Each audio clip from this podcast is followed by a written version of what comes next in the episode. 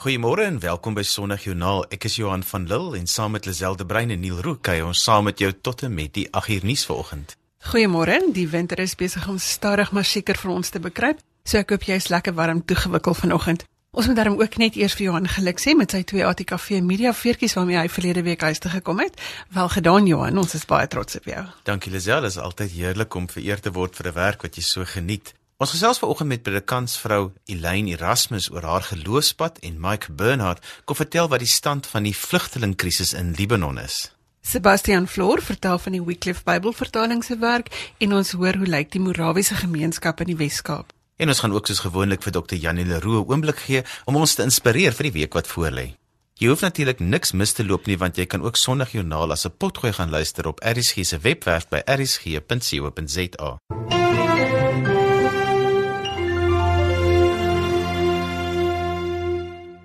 gesels so elke nou en dan oor geloofsake weier is net in ons eie land en vanoggend is Mike Bernard van In Context Ministries by ons in die ateljee om te gesels oor die situasie in Libanon. Nou Libanon huisves op die oomblik die meeste Siriëse vlugtelinge en hy was nou net daar om eerstens te sien hoe dinge daar hanteer word. Môre Mike. Hallo Lisel, lekker om weer hier te wees. Mike, vertel vir ons, hoekom gaan kuier jy in Libanon? Weet jy Lisel, dit was regtig vir ons 'n geleentheid om eerstens te gaan navorsing doen, werklik die situasie te bepaal. Ek dink die vlugtelingkrisis is een van die brandpunte in die wêreld vandag. Dit is besig om ons hele wêreld se demografie te verander. Ons ons sien na die miljoene wat na Europa immigreer. Ons kyk na die derduisendes en miljoene wat selfs na die Midde-Ooste immigreer. Ek praat nie regtig van immigrasie nie. Ons praat nie van immigrante nie. Ons praat van vlugtelinge. Dit is mense wat gewelddadig uit hulle huise forceer is en letterlik vir hulle lewens vlug net om 'n stukkie menslikheid gaan te belewe. Ek dink dit is die kerk se grootste geleentheid van ons generasie. Ons kan nie as 'n kerk hierdie geleentheid miskyk nie.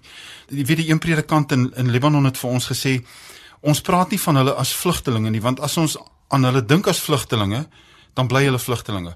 Ons praat van hulle as seekers, mense wat soek, want as ons hulle sien as skepings in die in die gestalte van God, dan kan hulle kinders van God word. En so ons het werklik gegaan om navorsing te doen om eerstens op grondvlak voetspore te los en te sien wat gebeur werklik. En hoe lyk die situasie daar?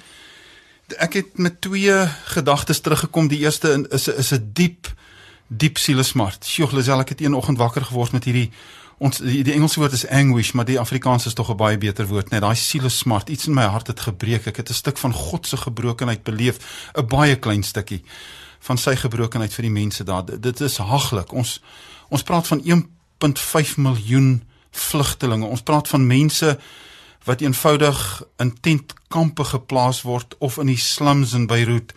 Ons praat van mense wat niks het. Ek wil nou sê want dit is as jy nou kyk na ons land, ja. dit is klaar vol. Ja. As dan nou ewe skielik 1.5 miljoen mense iewers gehuisves moet word, waar gaan jy met hulle heen? Waar gaan jy met hulle heen? Nou daar's stukke gronde in die Bekaa-vallei as jy nou oor die bergry van Beirut af na Sirië toe. Dan kom jy in die Bekaa-vallei en in die Bekaa-vallei is is omtrent 'n derde van al hierdie vlugtelinge. Dis ouens wat eenvoudig inkom oor die grens.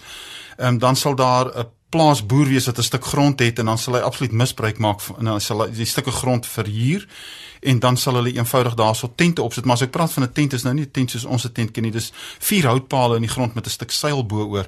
In die winter ek weet nie hoe die mense oorleef nie. Ehm um, dit is omtrent 'n familie van 8 gemiddeld wat in 'n klein vertrekkie slaap en bymekaar kom en eet en daar is nie toiletgeriewe nie en dan moet hulle nog betaal vir daai stukkie grond waar hulle bly ook. So die eerste ding wat regtig my hart pos gevat het was 'n sielesmat, maar die tweede ding was hoop. Ek is met 'n ontsaglike hoop daar werk. Dit is vir my verstommend om te sien hoe die kerk uitreik, hoe die kerk werk. Ehm um, Christene vanuit China, vanuit Korea, vanuit Amerika, van van dwars oor die wêreld is op hierdie stadium aktief betrokke om mense by te staan. En weet julle self ons hoor so baie keer van organisasies wat baie prominensie kry op die radio en vertel van wat hulle in die wêreld doen en Christene lyk vir my praat nie baie nie, maar hulle doen baie, hoor. En ek wil vir jou sê, ek is met soveel hoop daar weg. Die die uitreike, die die bekerings. Ek ek het verstom gestaan. Die een predikant vertel van die kerk waar ek die oggend gepreek het in in Beirut, vertel dat hulle die afgelope paar jaar reeds 100 vlugteling families in die kerk ingeneem het. Hulle het tot bekering gekom, hulle is opgelei en hulle is uitgestuur. En hierdie 100 vlugtelinge wat tot bekering gekom het is vandag kerkplanters in Duitsland, in Swede, in Noorwe, in Algerië en hulle gaan nou terug en hulle werk onder die Arabiese gemeenskappe. So ek het ek het eerstens beleef hoe God hierdie vlugtelinge gebruik soos die vroeë kerk om letterlik 'n herlewing te bewerkstellig. Dis 'n ding wat ons altyd onderstreep, 'n geloofsgemeenskap wanneer jy in 'n geloofsgemeenskap behoort. Ja dan is dit 'n tipe van 'n struktuur wat jou ondersteun ja. en dit is wat ek nou hoor hier ook. So met ander woorde daai mense word dalk half nou in die gemeenskap ingeneem en uit hierdie haaglike omstandighede ja. uitgeneem, nê? Nee? Ja, hulle bly nog steeds in laaglike omstandighede. Dit is onmoontlik. Jy weet een uit elke 4 mense in Libanon vandag is 'n vlugteling. Die die populasie van Libanon vandag met die vlugtelinge wat ingekom, ek meen Libanon se populasie is maar 5.8 miljoen mense waarvan 1.5 op hierdie stadium vlugtelinge is. Die populasie op die oomblik is wat hulle vir 2050 geprojekteer het. So jy kan dink met 'n infrastruktuur gewys wat 'n geweldige las dit op Libanon self plaas. Maar die manier hoe die Christene uitreik, neem nie noodwendig hierdie mense uit hulle omstandighede nie, maar dit gee vir die mense hoop te midde van hulle omstandighede. Ons het ons het twee pragtige jong Uh, die een is 'n Syriese vlugteling, sy's Arabies, um, en die ander een is 'n Koerdiese vlugteling uit die noorde van Sirië wat by die sentrum daar inskakel waar ons was. Hulle het al twee binne Libanon tot bekering gekom. En ek het met hulle gepraat en joh, hulle sê hulle het alles verloor. Hulle het hulle families verloor, hulle het hulle besittings verloor, basies hulle lewens verloor. Maar weet jy wat sê hulle vir my? Hulle sê vir my was dit nie daarvoor nie het ons nooit vir Jesus gevind nie. Dit is vir hulle 'n groter skat dan dit wat hulle verloor het. En ag dit is net wonderlik om te sien die die hoop wat mense in Jesus vind as hulle alles verloor het. En ek ek kom met daai gedagte terug dat die evangelie is 'n werklikheid. Christus is 'n realiteit. Die Heilige Gees is daar om sy kerk te kom toerus en te kom versterk en om die krag te gee om in hierdie tyd die verskil te maak. Hoe sterk is die Christen geloofsgemeenskap in Libanon? Ja, Libanon is redelik uniek. Jy weet, hulle praat altyd van die 3331 Um, in Libanon uh, omtrent 30% van Libanon is Christen. So per capita is dit die grootste Christenland. In getalle is Egipte natuurlik die grootste Christenland in die Midde-Ooste, Arabiese wêreld, maar per capita is 30% van Libanon is Christus, 30% is Sunni, 30% is Shia en 10% is die res. So hy het hy het 'n hy het 'n sterk Christen gemeenskap. Ehm um, en binne hierdie Christen gemeenskap is daar natuurlik 'n baie sterk ortodokse deel, maar die evangeliese kerk reik geweldig uit en dit is geweldig bemoedigend om te sien. Mike, ons praat met Suid-Afrikaners vanoggend, mense in ons ja. eie land. Wat moet hulle doen?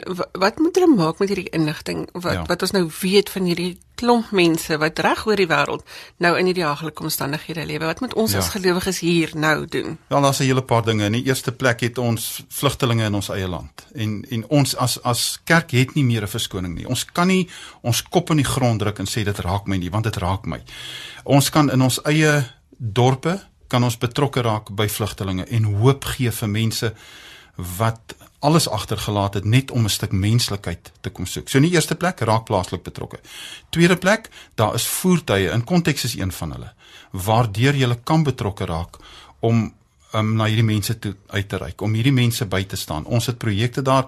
Die een predikant, dit was my eintlik so lekker geweest. Ek was op die grens van Sirië, so ek het ek het nogal van my netwerk voorsiener het ek 'n e-pos gekry welk of 'n SMS gekry welkom in Sirië en ek het hom nogal geskreen skryf want dit was vir my lekker om in Sirië te kon inkyk en te sien hier is waar God mense se harte oopmaak vir die evangelie. Daar is voertuie. Ons het met die een predikant nou 'n netwerk opgebou. Hulle vat letterlik hierdie skeeps, ehm, um, skus my Engels containers, uh, laai hulle af in Aleppo, laai hulle af in Damaskus. So daar is geleenthede waarby Christene kan betrokke raak. Ons is een van die voertuie, daar's baie ander voertuie raak raak om Vader se naam net betrokke want Lisel hierdie is een van die grootste geleenthede in ons generasie. Ek is nou al amper 40 jaar voltyds in sending.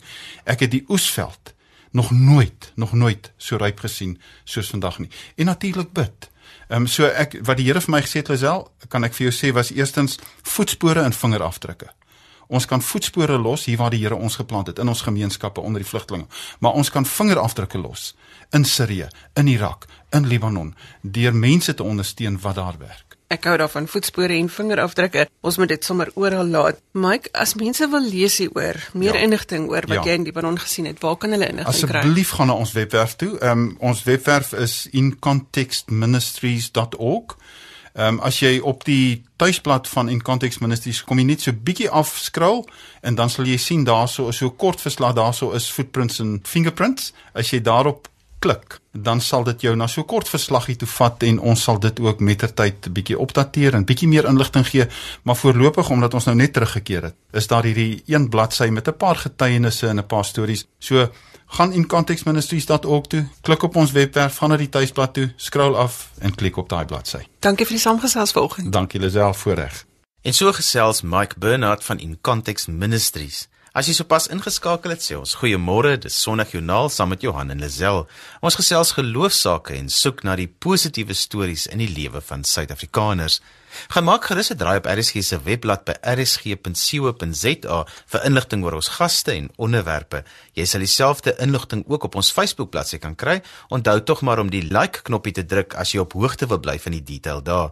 Ons is soos gewoonlik elke Sondagoggend saam met jou tot en met die 8uur nuus. Janine van Niekerk het gaan uitvind hoe werk dinge by die Wycliffe Bybelgenootskap. Kom ons hoor. Dis vir my so 'n plesier om nuwe bedieninge te ontdek en mense wat die werk doen, die hande en die voete van Jesus. So vandag gesels ons met Sebastian Floor, direkteur van die streeksvertalingsdienste van die Wycliffe Bybelvertaling. Vertel my meer. Ons is deel van 'n wêreldwye netwerk van organisasies wat Bybelvertaling doen vir minderheidstale. Die organisasie bestaan al meer as 80 jaar Ehm um, begin in Amerika, die westelike halfrond, dit is van daar af versprei na die Tweede Wêreldoorlog, dit wêreldwyd versprei. Tans werk ons omtrent op 1500 tale aktief as as Wycliffe. En uh ja, ons is ook hier in Suid-Afrika. Hmm. Vertel my van die oorsprong, waar het hy begin by wie? Ja. Die werk het begin met uh, William Cameron Townsend, Amerikaner, jong man, 17 jaar oud. Uh in die Eerste Wêreldoorlog was hy op soek na om iets te doen vir die Here en hy het gaan Bybels versprei in in Guatemala. Spaanse Bybels. En hy het die Bybels versprei en verkoop en hy kom into 'n dorpie aan van een van een van die Indiane tale en die Indiane volke daar. En 'n man kom na hom toe en hy sê, weet jy ver, jy verkoop nou hierdie hierdie Spaanse Bybels. Dis nou alles nou goed en wel as 'n klompie van ons wat dit verstaan, maar wat van ons taal kan jou God dan nie ons taal ook praat nie. Dit het Cameron geweldig aangespreek. Hy teruggegaan Amerika toe. Hy het getroud, terug na Guatemala, hy het vir daar vir 17 jaar lank gewerk aan 'n vertaling en die einde daarvan het hy Wycliffe gestig. Maar jy is nou die direkteur van streeksvertalingsdienste. Met ander woorde, eh, jy's hier in Suid-Afrika aan die werk. Watse projekte is hier aan die gang? Toe ons omtrent so 7 jaar gelede teruggekom het, ek en my vrou van van Mosambika, waar ons aan 'n projek gewerk het, het ons al hoe meer Macedoniese roepstemme begin kry uit lande soos Angola, lande soos Zimbabwe, Zambië die weste van Zambië byvoorbeeld, hele hele area aan die weste kant van die Zambiese rivier waar onbereikte volke is, geen vertalings ooit gedoen nie, geen paaie nie, geen dorpe nie. En ook Mosambiek en Madagaskar byvoorbeeld. En ons het begin hoor dat daar's daar's geweldige behoeftes. Daar's 120 tale wat gedoen moet word in die Suider-Afrika streek. En daarmee ons tans is het ons nou al begin omtrent 50. Uh daar's ander organisasies wat ook werk aan vertalings. Ons is die enigstes nie maar eh, in in samewerking met met ander organisasies binne die binne die die Wycliffe SAL familie. Dis 'n groot familie, groot organisasie. Is ons tans betrokke omtrent met 50 tale die in die Suider-Afrika streek. Hoe kry julle 'n Bybel vertaal in 'n taal wat jy nie self praat nie? Ja. Wat gebeur is ons ons werk met die plaaslike kerk of die uitdrukking van die plaaslike kerk. Uh ons doen net 'n vertaling as ons gevra word om dit te doen, as die as die plaaslike gemeenskap werklik daarvoor vra. En ons doen dit ook nie self nie. Ons ken nooit die taal nie. Ons sal dit nooit goed genoeg leer nie. Al leer ons dit. Ons moet deur moedertaalvertalers werk en ons wil deur moedertaalvertalers werk. Die die die, die eindgebruikers is is is maar die eienaars van die vertalingsproses ook. So uh, ons lei hulle op en dan begin ons op pad met hulle loop en hulle begin vertaal. Ja, en ons ons is ook 'n kwaliteitskontrole proses met hulle wat ons dan wat ons dan saam met hulle loop. Daar's drie metodes wat ons volg. Uh die een is daar's nasieners of, of meelesers. Meesal meer geskoolde mense in die in die samelewing wat wat na die skriftelike teks kan kyk. Uh en dan kommentaar lewer daarop. Die uh, ander groep is ons noem dit veldtoetsing en dis waar die die die skrifgedeeltes dalk in in kerke voorgeles word of onder 'n boom of in 'n in 'n huishouding of of waar ook al waar voorlesing plaasvind en dan terugvoer gekry word en kyk of die mense dit werklik verstaan. En dan die derde metode is wat ons doen die die kwaliteitskontrole nasien of 'n konsultant proses. in Wycliffe en ook in ander Bybelorganisasie, by vertalingsorganisasie is daar die die posisie van 'n konsultant. 'n Konsultant is gewoonlik iemand wat teologie, taalkunde, kommunikasiekunde verstaan eh, en dan 'n uh, kundige is en hy werk dan met die plaaslike span. Hulle hulle word dan geleer hoe om nadat hulle vertaling gedoen het om dit woord vir woord interlineêr dan in Engels of Portugees of in Frans wat ook al die die groot tale in die omgewing is dan oor te sit en dan daai terugvertaling of daai interlineêr vorm dan iets van 'n van 'n venster in hulle vertaling in en die konsultant gebruik dit dan om vrae te vra. As jy dan daar kom of oor oor het ons gebruik rekenaarprogram uh paratext dan kan ons vir hulle notas stuur, hulle kan vir ons hulle, hulle stuur hulle gee vir ons terugvoer met notas. So daar's 'n hele proses wat ons dan met hulle volg om dan te kyk wat presies het hulle vertaal.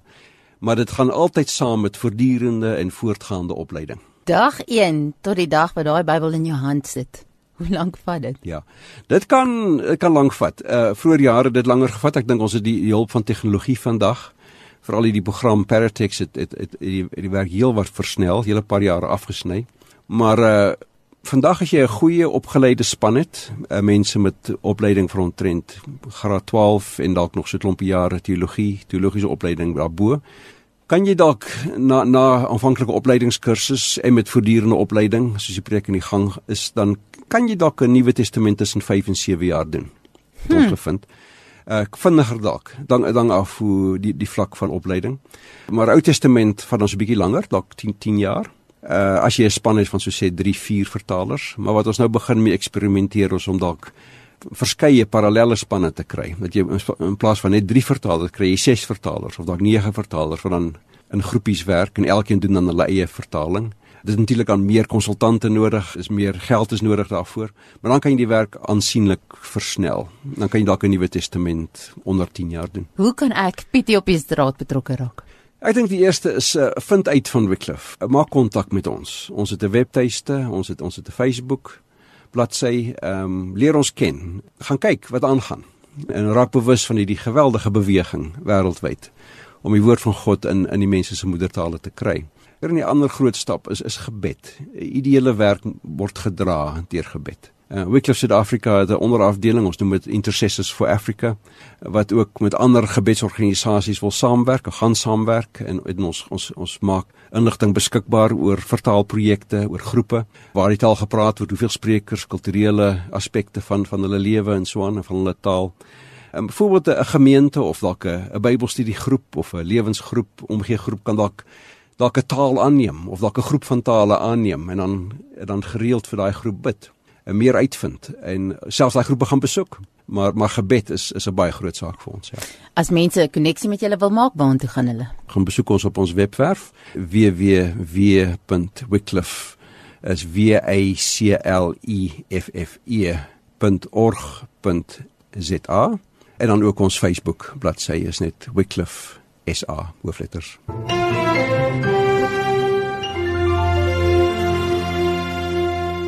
Mamre is 'n klein dorpie net buite Kaapstad met die 5de oudste kerk wat in 1808 deur die Morawiese sendelinge uit Duitsland daar gevestig is. Eerwaarde se ruiters, vertel wat die geloofsgemeenskap so spesiaal maak. Mamre is die tweede oudste sendingstasie in ons land En die uniekheid van Mamre lê juis in die geskiedenis van Mamre. Daar's 'n voorgeskiedenis wat ek ook noem die vroeë groene kloof geskiedenis. Baie interessant, maar nie geskiedenis waarop mense trots kan wees nie. Ek vergelyk altyd daai voorgeskiedenis met die rigterstydperk. Konflik, gevegte, bloedvergieting, menseverlies. Dan was daar weer so stilte en dan was daar net weer en weer konflik, veral tussen die vryburgers en die inheemse bevolking.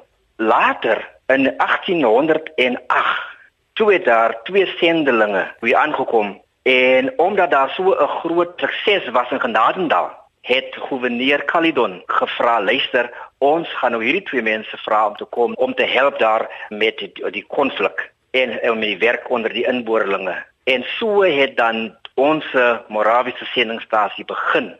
Die uniekheid van Mamre lê ook in die mense self. Eenvoud help mekaar graag. Hulle gee graag. En dit is vir my baie mooi hoe die mense hier saam staan, uh, saam deel in mekaar se lief en leed. Mamri het oor die jare baie verander, uiterlik. maar die op geestelike vlak is dinge nog dieselfde. Die Christelike norme en waardes het behoue gebly. Mense glo nog steeds in die almagtige God. Mense stel nog steeds belang in die kerk en kerkbetrokkenheid is nog steeds daar. En mense weet nog dat die kerk het 'n rol om te vertolk. Hulle soek nog steeds die aangesig van God op. God bly nog die bron van van van die mense hier. Baie belangrik vir ons is dat ons hier 'n dagteksboekie uh, wat feitelik in elke huisgesin gebruik word. Al is jy ook nie 'n uh, uh, Morawier nie. Die Bybel het nog steeds sy plek. Die gesangboek van ons kerk het nog steeds sy plek in elke huis. Ons het baie organisasies hier in Mamre, verskillende klubs. Elke organisasie, elke klub sal altyd die kerk betrokke maak by hulle werksaamhede. Of jy nog genooi word om deel te wees, uh om net 'n gebed te kom doen, om te kom open, om die dagwoord te lees, selfs as mense uitstappies se gaan uh reël, as ek word die kerk gevra, die leraar word gevra om te kom bid. Ons het byvoorbeeld die een groep Harmony Voices, hulle het 'n groot dankdiens.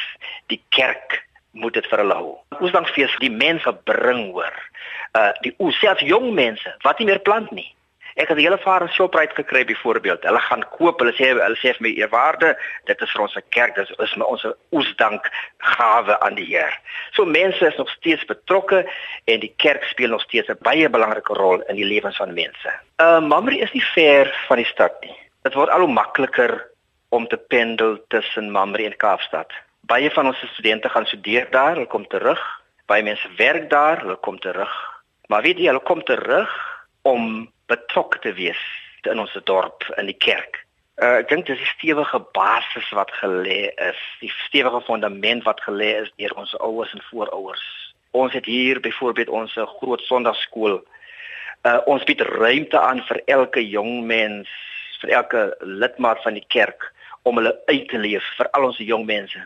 Hulle is diep baie baie betrokke, nou betrokke by alle verrigtinge en organisasies in ons kerk. Daar is vir hulle geleenthede om hulle gawes uit te leef. Maar wat ons ons jong mense leer is dat hulle moenie vergeet waarvan hulle kom nie. Hulle moenie vergeet wat hulle geleer is nie en baie belangrik, hulle word geleer om terug te ploeg om hulle toe te rus, geestelik ook toe te rus, maar ook om te rig te ploeg. En ek dink dit is wat uh Mamrie so besonder maak. Selfs die mense wat die ouens wat werk daar in Johannesburg byvoorbeeld, daar's 'n hele aantal mense in Ooskaap. As hulle terugkom Paasfeestye, Kersfeestye, is onmiddellik neem die man sy passein op en hy kom speel. Hy is betrokke by die jeug vir hy tydjie dat hy hier is. En dit is vir my so mooi dat dat ons jong mense vergeet nie hulle wortels nie. Ons suksesstorie skryf ek aan die rol wat godsdiens en wat God in die lewens van die mense speel. Hier is nou baie mooi suksesstories. Ek het net genoem byvoorbeeld van die jeug, ons uh, basseinorkes van die verskillende ander organisasies.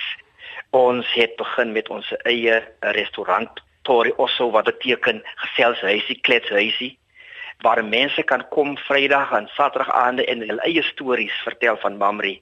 Een van die mooi dinge vir my byvoorbeeld is begrafnistye. Hier is nog so dat die leraar word geroep wanneer daar iemand sterf of besig om te sterf. As hy daar kom, dan staan daar al reeds net baie baie mense. Hy is vol mense, mense wat kom en kom deel hulle medelee vir my dis 'n suksesstorie van mamma is dat die mense weet hier om saam te staan om mekaar te help 'n deel in mekaar se lief en leed maar hulle vergeet nie God nie. Natuurlik om af te sluit die pragtige historiese werf wat suksesstorie sal bly want dit is nog steeds soos dit was 200 jaar gelede. Die ou pastorie staan nog steeds daar, die lang huis en die keeperhuis en die pragtige kerk met al die historiese pragtige geboue is nog steeds daar Mamre daar geslaag om hierdie mooi historiese erfenis te behou soos dit was. Die kerk is in 1767 tot nasionale monument verklaar en daar word nog steeds elke Sondag eredienste daar gehou.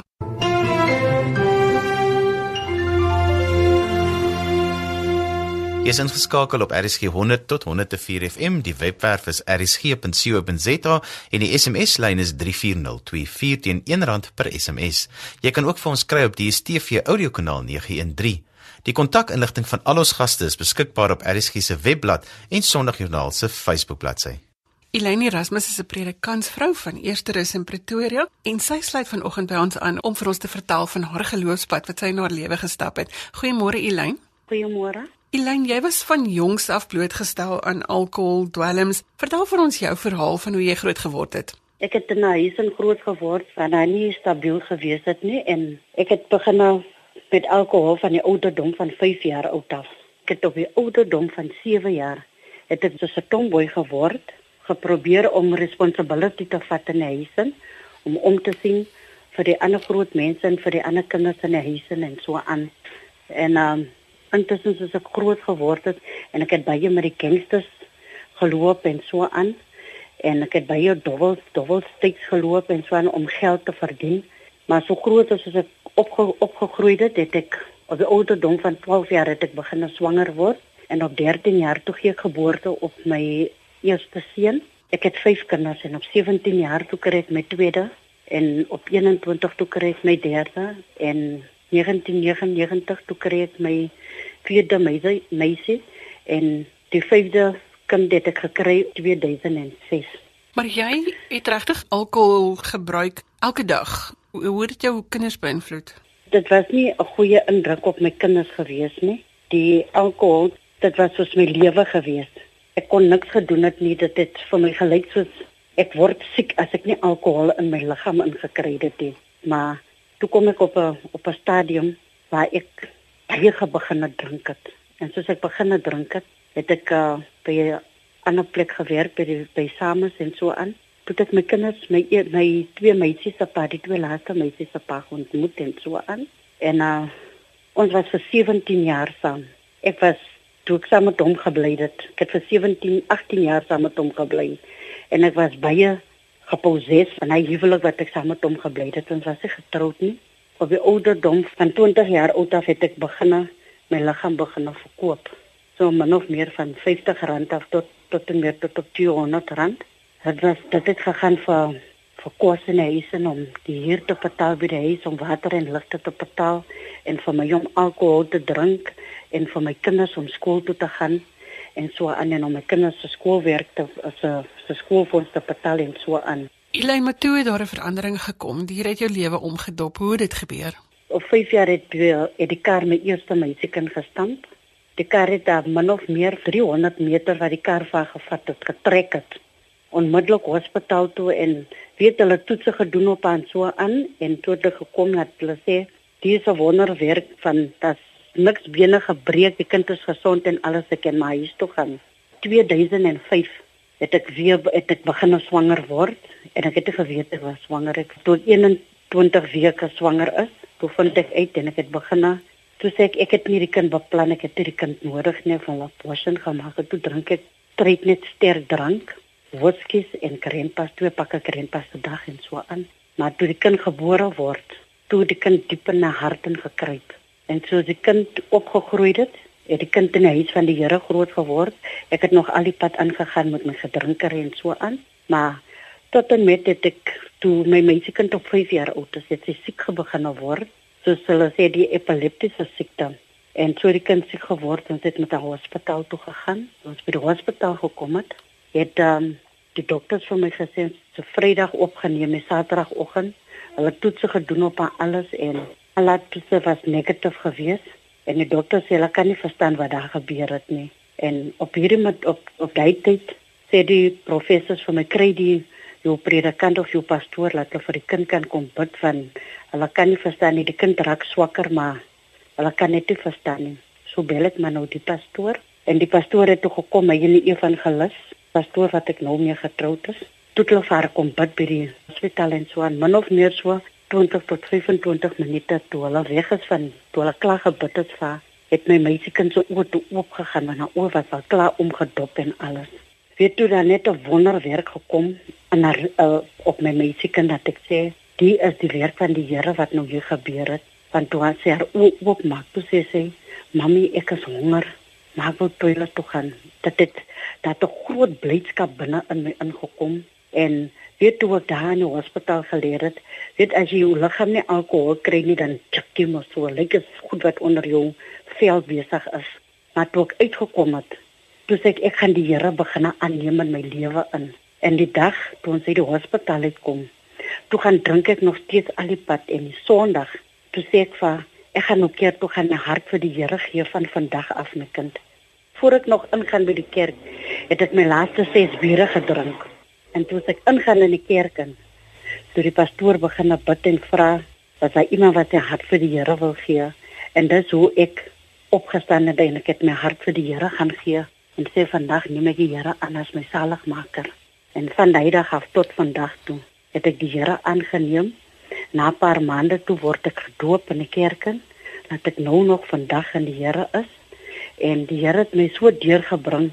Ek het nooit gedink ek sal eendag met 'n pastoor kan trou. Ek het nooit gedink die Here sal vir my sulke wonderwerke doen in my lewe in want ek het meer my vertroue in die Here ingesit van wat die Here wat ek gesien het wat die Here gedoen het met my dogter. Dit is waar die hele ding gekom het waar die Here met my gepraat het en sê nou is dit jou kans. Ek het jou nodig in my lewe want dit is 'n werk wat ek wil hê jy moet doen vir my op aarde. En dat ek tot nou nog vandag is in die Here in en dit is vir my net van ek die Here ontmoet het, is dit vir my te wonderlik. Hoe maklik het jy vrygekom van die alkoholisme en van al die goeters wat in jou lewe gebeur het? Toe ek daai dag my hart vir die Here gee, toe vra ek vir die Here, asseblief, soos ek vandag kom soos jy my kind se lewe gered het, vra ek om vir my te help. Die laaste bier wat ek gedrink het, wil jy moet die smaak uit my mond uitvat en die smaak moet nooit weer terugkom in my mond nie. En ek maak klaar met die drank vandag en tot vandag toe is ek klaar met die alkohol. En dit is nog 5 jaar. Dit gaan nog vir my 6de jaar. As jy 'n boodskap het vandag vir vroue wat in dieselfde posisie is as wat jy was, wat sal daardie boodskap wees? Sit jou vertroue in die Here in en moenie jou vertroue op die mens sit nie, want daar is nie is nie die mens wat jou sal genees nie. Mense gaan vir jou baie teleurstel. Die Here is daar. Roep die Here aan om vir jou te help en die Here is die enetjie wat wat alle werke kan doen in 'n mens se lewe in, want daar's niks anders wat ons meer kan doen sonder die Here nie. Die Here sal nie vir jou onmiddellik antwoord nie. Die Here gaan kyk op jou hart. Wat is jou begeerte? Wil jy regtig die ding ontslaa raak van die ding? En as jy ontslaa wil raak van die ding, is net vir ons om op ons knieë te gaan en vra vir verlossing van die Here af. Elaine, baie dankie dat jy vanoggend jou storie met ons gedeel het. Baie dankie. Dis amper tyd vir ons om te groet, maar eers gesels ons met Dr. Jannie Leroux oor die Heilige Gees siende dat ons sopas Pinkster gevier het. Môre Jannie. Môre Johan, môre Lisel. Jannie, dit was Pinkster en ons het gepraat oor die Heilige Gees. Hoe gaan 'n mens op pad met die Heilige Gees? Ons ken die uitdrukking dat die lewe 'n reis is. Ons weet soort van instinktief ons moet ergens heen op pad wees, want anders stagneer ons. Babas bly mos nie net heeltyd lê nie, hulle wil beweeg. Moontlik is die koers wat ons inslaan dalk om genoeg kos te hê vir die kinders. Moontlik is dit om 'n veilige blyplek te hê. Soms het ons net die behoefte aan roem en agting, en dan bepaal dit ook waarheen ons op pad is. So ons is gevorm op pad te wees na die een of ander doel. Dis hoe ons saamgestel is. Maar nou, jy bereik daardie doel en dan is jy teleurgestel. Is dit maar al wonder jy? Jy stel onmiddellik die volgende doel en jaag weer daarna net om dieselfde vraag te vra. Die kwessie is nie om 'n doel na te streef nie. Dis goed, dit bring vooruitgang. Die vraag wat ons eerder moet beantwoord is: Is dit ek? Wie ek is, al die diepste verlangens en begeertes wat God in my hart en in my DNS gevorm het, gaan bepaal of daardie doel betekenisvol gaan wees. Anders dan gaan jou pad deur die lewe net om te ontdek, dis nie ek nie, dis nie wie en hoe ek bedoel is om te wees nie. Jy gaan eers gelukkig voel om 'n doel te bereik as jou doel op dieselfde golflengte as jou hart is. Jy gaan eers vreugde beleef as jou doel meer betekenis aan jou lewe gee. Die punt is, ek moet my reis wees. Die pad wat ek kies, moet ek wees. So Jannie, jy wil sê dat die pad wat jy kies meer van jouself moet sê, maar hoe gaan ek meer van my diepste begeertes dan kan naleef? As ons hier van diepste begeertes praat, dan bedoel ek nie daarmee sondes nie. Ons praat hier van positiewe begeertes. Positiewe begeertes wat jouself en ander mense opbou en groei bring. Die wonderlike nuus is dat Jesus vir ons die Heilige Gees gestuur het. Die Heilige Gees is in elkeen wat hulle lewe vir Jesus gee. En wanneer ons die Heilige Gees vra om ons te lei, dan doen die Gees dit graag. Want die Heilige Gees wil ons help om al hoe meer Jesus se lewe hier te lewe. Die Heilige Gees is in 'n sekere sin my afrigter wat my help om nog meer die lewe in oorvloed te leef. As ek my dan oopstel vir hierdie sagte influistering of die aanraking van die Heilige Gees, weet ek of ek in die regte koers is of nie. Romeine 8 vers 6 skryf Paulus: Die dinge waarmee sondige natuur van die mens hom besig hou, loop uit op die dood, maar die dinge waarmee die Gees hom besig hou, bring lewe en vrede. So hoe weet ek of my doel en of die keuses wat ek maak die regte is? Wanneer dit lewe en vrede bring. Hoe weet ek of ek op die regte pad is? Wanneer dit lewe en vrede bring. Die Heilige Gees help my om te besef hierdie keuse bring lewe en vrede. Natuurlik gaan ek soms gespanne wees om daardie pad aan te pak want dit is mos nog onbekend, maar ek het vrede dat dit die regte ding is om te doen en dit laat my voel ek leef en dit bring vir ander mense ook lewe en vrede.